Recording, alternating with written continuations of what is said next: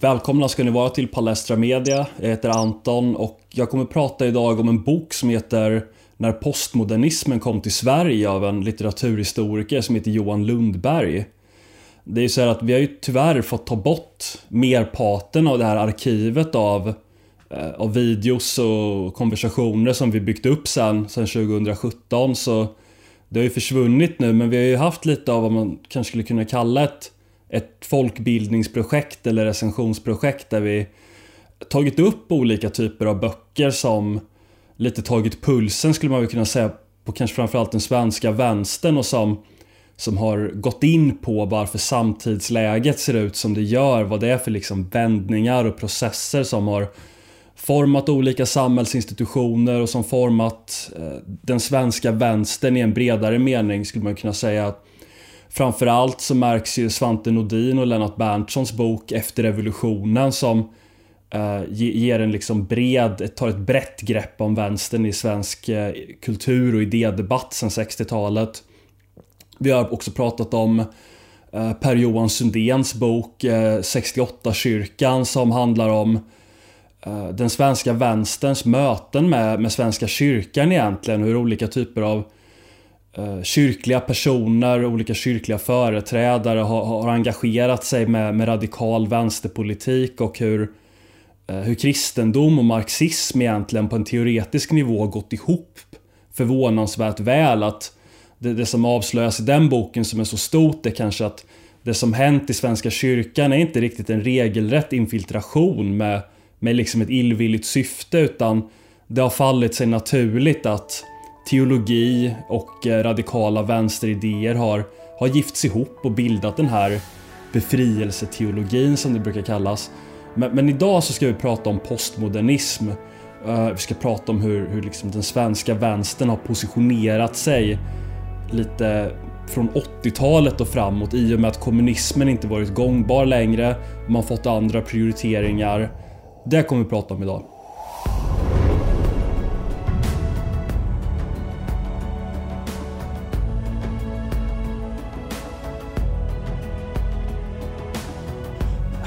Det finns ju vissa som brukar invända att, att postmodernism är ett ganska oanvändbart begrepp därför att det är så spretigt och det är komplicerat och, och sådär. Jag kan personligen tycka att det, det, är sånt folk brukar göra när, det, när de vill ha ursäkter för att, för att inte behöva studera någonting.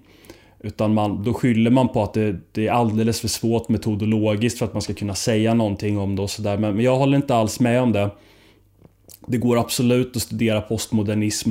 Det är relevant och eh, efter att ha läst den här boken av, av Johan Lundberg så tycker jag definitivt att jag fått ännu mer belägg för att det, det är relevant att tala om en postmodernism.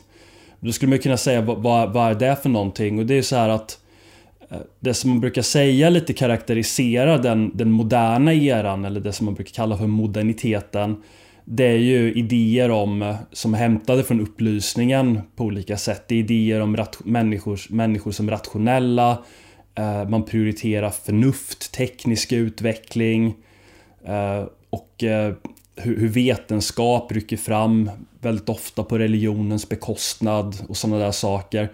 Det som brukar det som ofta är väldigt intimt förknippat med just upplysningsidealen och som sen går förbi den perioden och, och in i det, det är liksom det som bär in oss i det moderna skulle man väl kunna säga. Men någonting annat som har varit ganska typiskt för det moderna vad, vad, vad det gäller just vänstern är ju det här som man brukar kalla för stora projekt eller stora berättelser.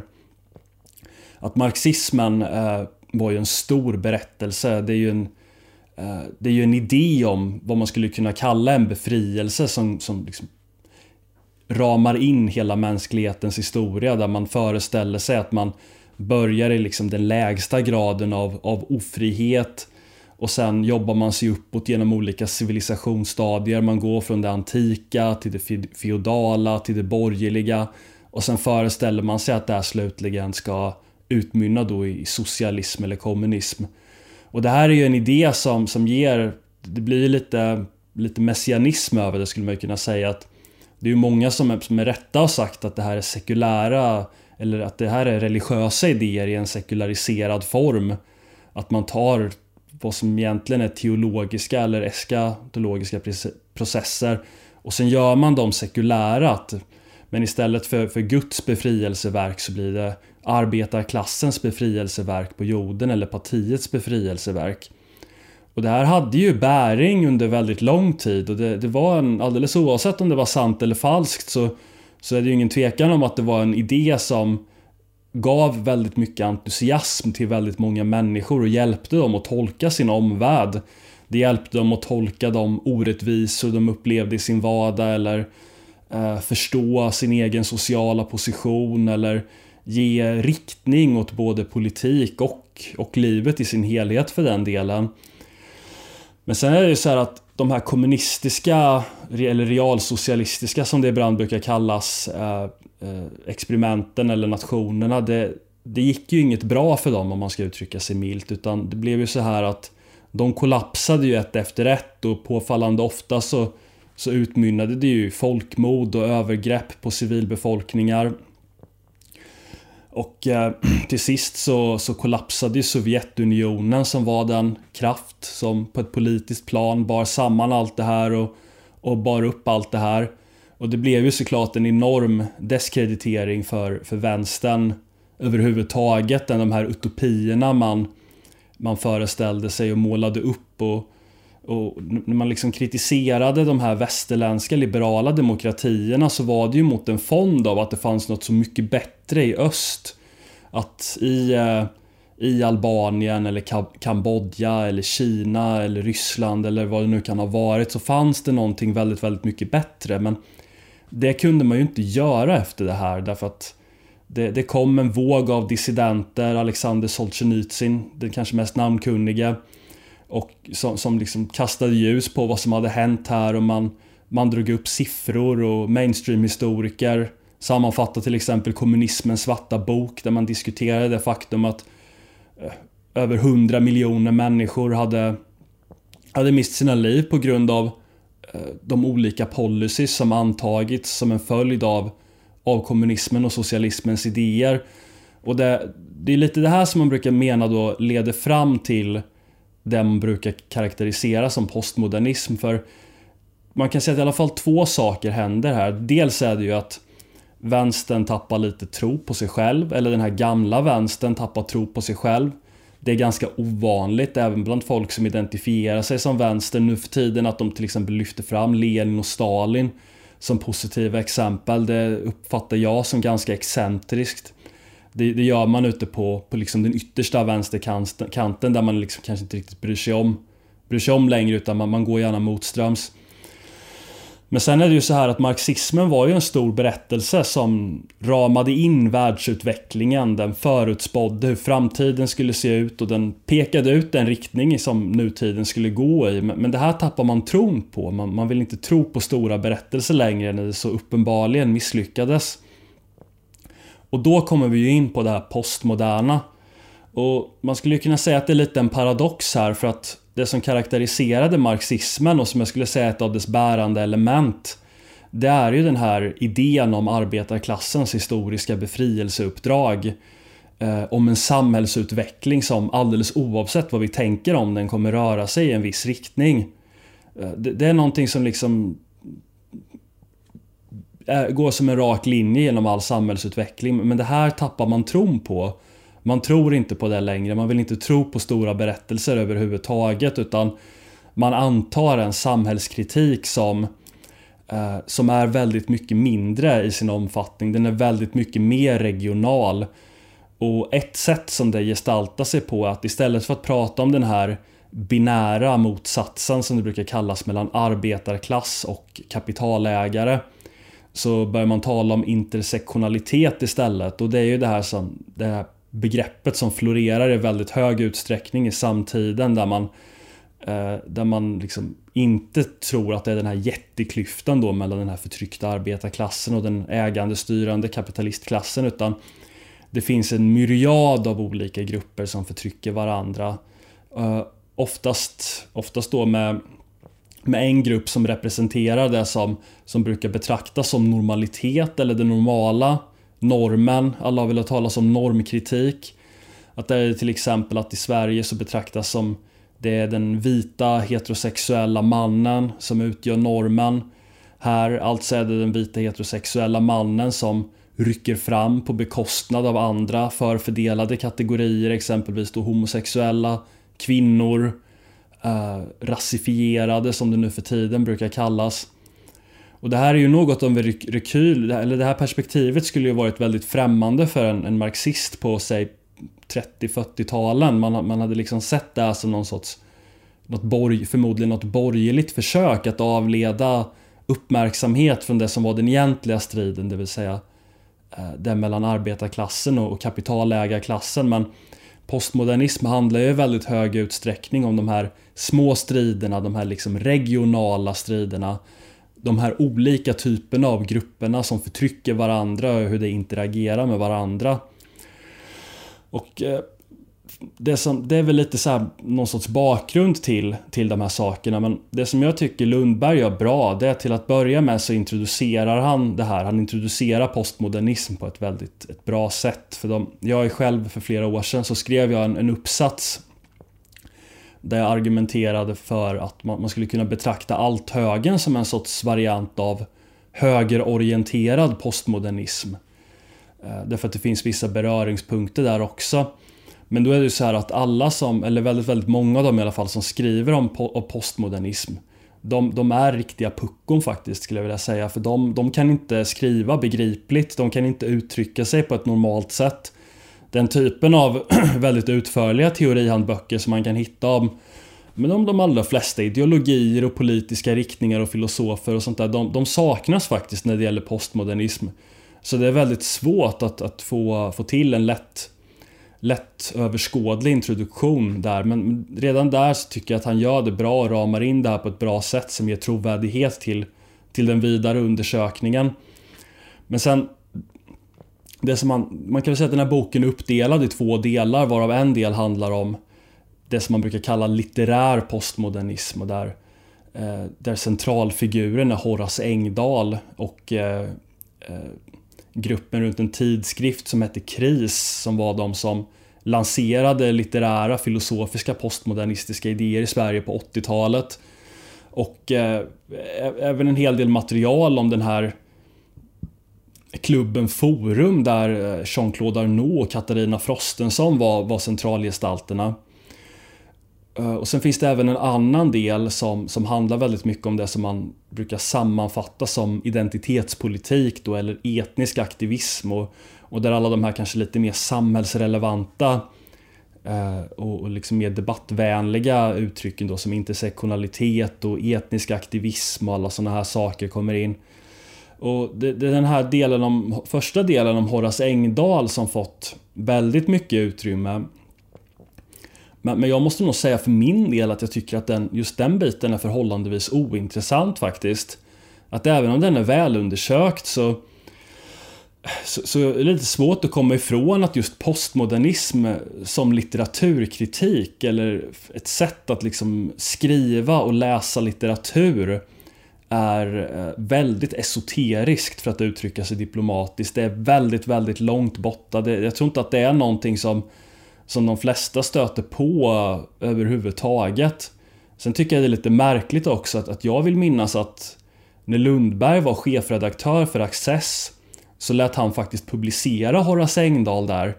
Där, den här, där Engdahl skrev en, en väldigt, väldigt lång essä om, om sin lärare eh, Eugen Napoleon Tigerstedt som han hade när han läste eh, litteraturvetenskap vid Stockholms universitet som var en väldigt känd Eh, Eh, kulturkonservativ svensk professor.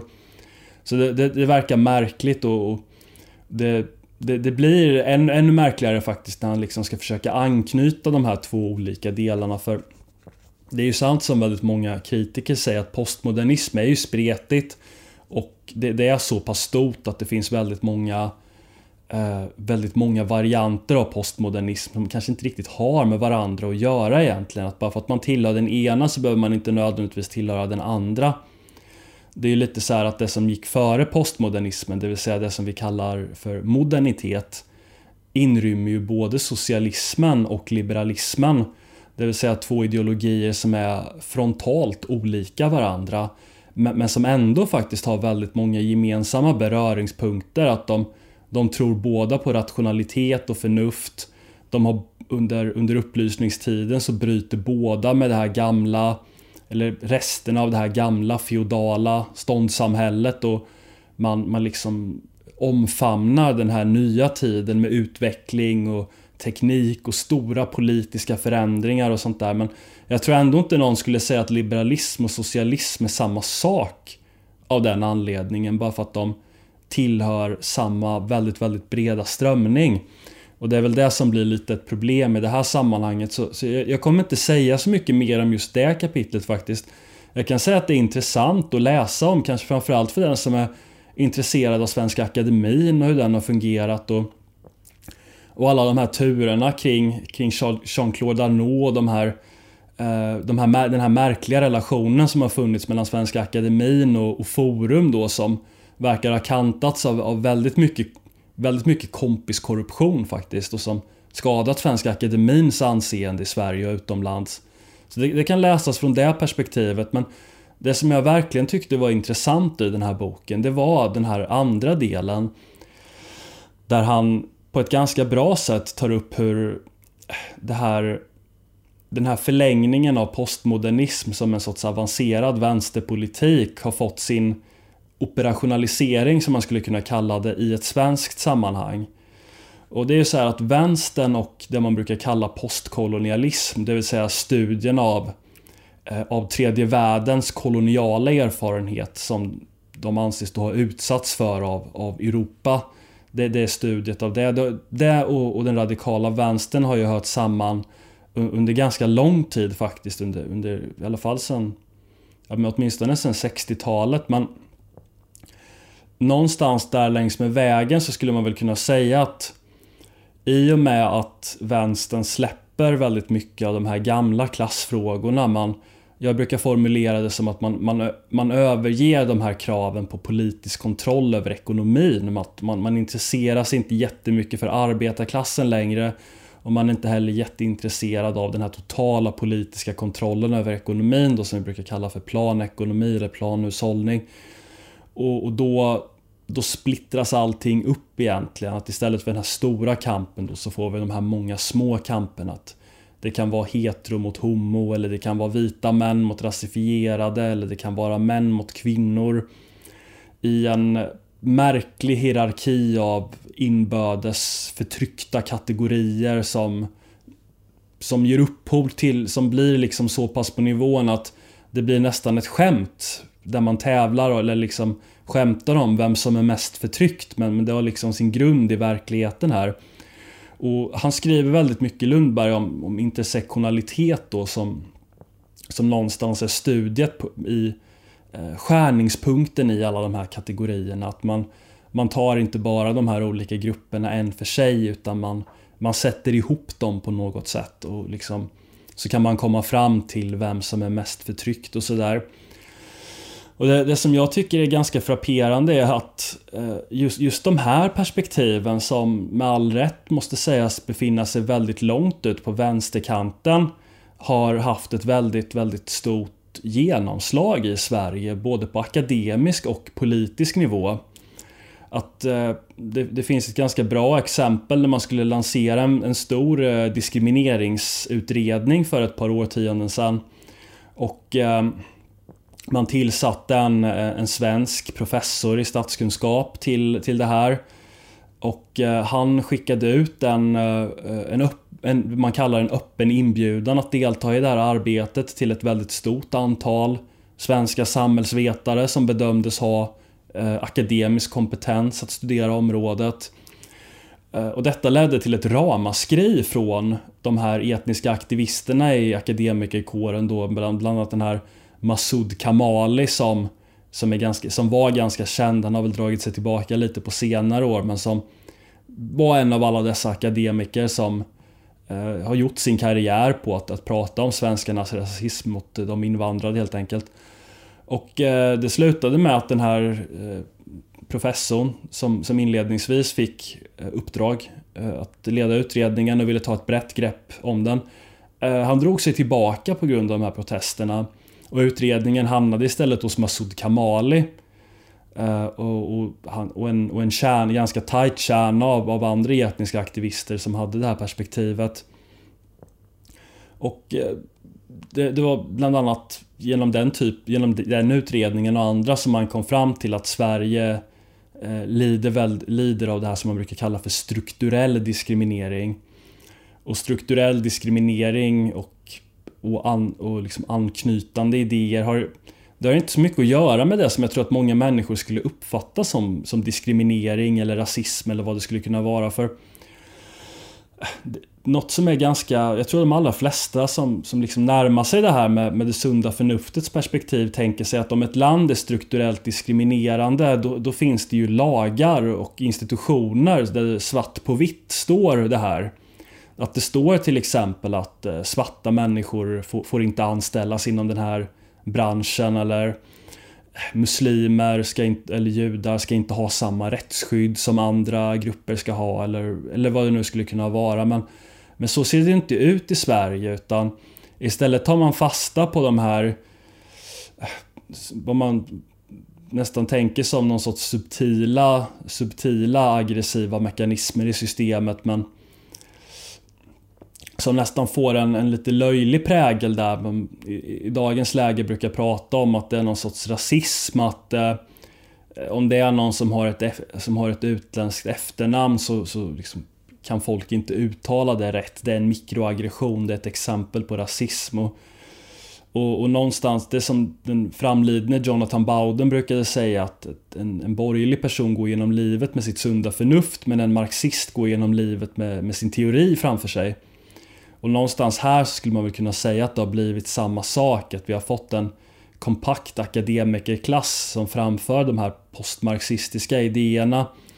Där man tar väldigt, väldigt mycket fasta på, eh, på, på det här intersektionella perspektivet och där det utgör lite en tolkningsram där, där i stort sett allt som händer och sker i samhället blir någon sorts utslag för, för rasistiska idéer och impulser.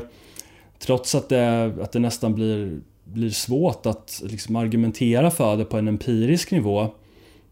Och sen är det också så här att det här har ju liksom varit lite vad ska man säga, en käpp i hjulet också för andra typer av diskussioner. För, för något som, som kanske inte talas jättemycket om idag när det finns mycket andra problem, men någonting som var en väldigt viktig debatt om det här med invandring och integration för, för några år sedan, det var ju det, de, här, de här hedersmorden som man brukade tala om. Eh, med, med bland annat den här Fadime Saindal som, eh, som blev dödad av en, av en nära släkting. Och, eh, och det fanns även andra som, som råkade väldigt, väldigt illa ut. Då var det ju vissa debattörer som ville ta upp det här perspektivet och man ville diskutera att ja, men det här kanske har det finns drag i de här kulturerna som skiljer sig avsevärt från de svenska och västerländska som utgör en separat problematik som man behöver hantera som en kulturell problematik. Och då eh, kom det lite om intet därför att i de här idéerna som, som jag precis har redogjort för, för så finns det en, en underbyggande princip om att om man diskuterar skillnader mellan civilisationer eller mellan kulturer eh, så finns det ofta något väldigt, väldigt nedvärderande i den diskussionen. Och kanske framförallt i synnerhet när det kommer från europeiskt eller västerländskt håll.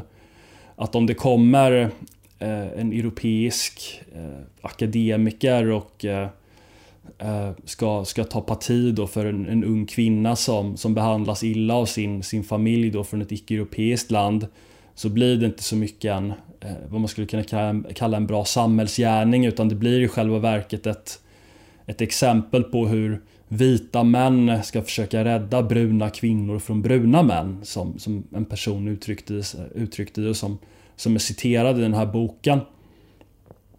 Och där någonstans i den här debatten så, så fångade jag väl ganska bra vad som är ett av ledmotiven i den här teoribildningen och det är ju just Eh, fientligheten mot västerlandet och undergrävandet av västerlandet på alla tänkbara plan. Att västerlandets inneboende drivkraft är förtryck. Och det behöver liksom inte vara något institutionaliserat förtryck som vem som helst kan ena om är en orättvisa till exempel. Om, om det verkligen var lagstadgat att människor med svart hudfärg skulle inte har något rättsskydd eller någonting i den stilen. Utan man riktar in sig på sådana här saker istället. Att om, eh, om det svenska samhället tar ställning för, eh, för, för kvinnor som far illa på grund av drag i den kultur som de kommer ifrån, från deras hemländer, så är det här ett det, det är liksom inte en samhällsgärning eller det är inte något bra utan det är i själva verket något djupt förtryckande. Och det är väl någonstans kärnan i den här rörelsen som, som gör den väldigt, som jag skulle säga i alla fall, väldigt destruktiv. Därför att man har frånkopplat den från de här gamla liksom, träsmakande kommunistiska idéerna om, om partiets diktatur och planekonomi och den hemliga polisen och arbetarklassens historiska mission för att befria mänskligheten från kapitalistklassens förtryck och, och såna här grejer. Och man har ersatt det med det här som brukar kallas då för woke eller vakenhet eller social justice. Eller liknande. Där man tar fasta på de här små sakerna hela tiden. Att eh, en, eh, en vit man har synpunkter på, eh, på en annan kultur eller någon råkar eh, eh uttala en, en invandrares efternamn felaktigt eller eller någonting i den stilen, att man liksom reducerar allt det här, allting som vi gör, vi europeiska människor eh, kan reduceras till den här grundimpulsen som är liksom det som driver våran civilisation. Och det är den här viljan till förtryck, förtryck av den andra, förtryck av rasifierade, förtryck av kvinnor, förtryck av olika typer av sexuella minoriteter och, och, och allt vad det skulle kunna vara. Eh, trots att det, det, är svårt att se att det är på det sättet. Vi, väst, dagens västerland är förmodligen de som har utvecklat mest tolerans när det kommer till alla de här sakerna. Men, men det är liksom i alla fall som jag ser det så är det lite ett empiriskt faktum att om man jämför med, med liksom resten av världen så, så är det inte som att vi europeiska människor har så mycket att skämmas för i, i något avseende. Kanske förutom det faktum att vi är så notoriskt dåliga på att, eh, att ta vår egen sida och stå upp för våra egna intressen och, och kunna värja oss mot de här människorna. Men jag tror att det är bra att, för om man vill förstå någonting av samtiden hur den här eh, ny, nya vänstern som inte eh, som är någonting annat än den här gamla kommunistvänstern om man vill förstå allt det här som de håller på med, allt det här med Black Lives Matters och den här ständiga positioneringen mot vita människor i olika, sam i olika sammanhang.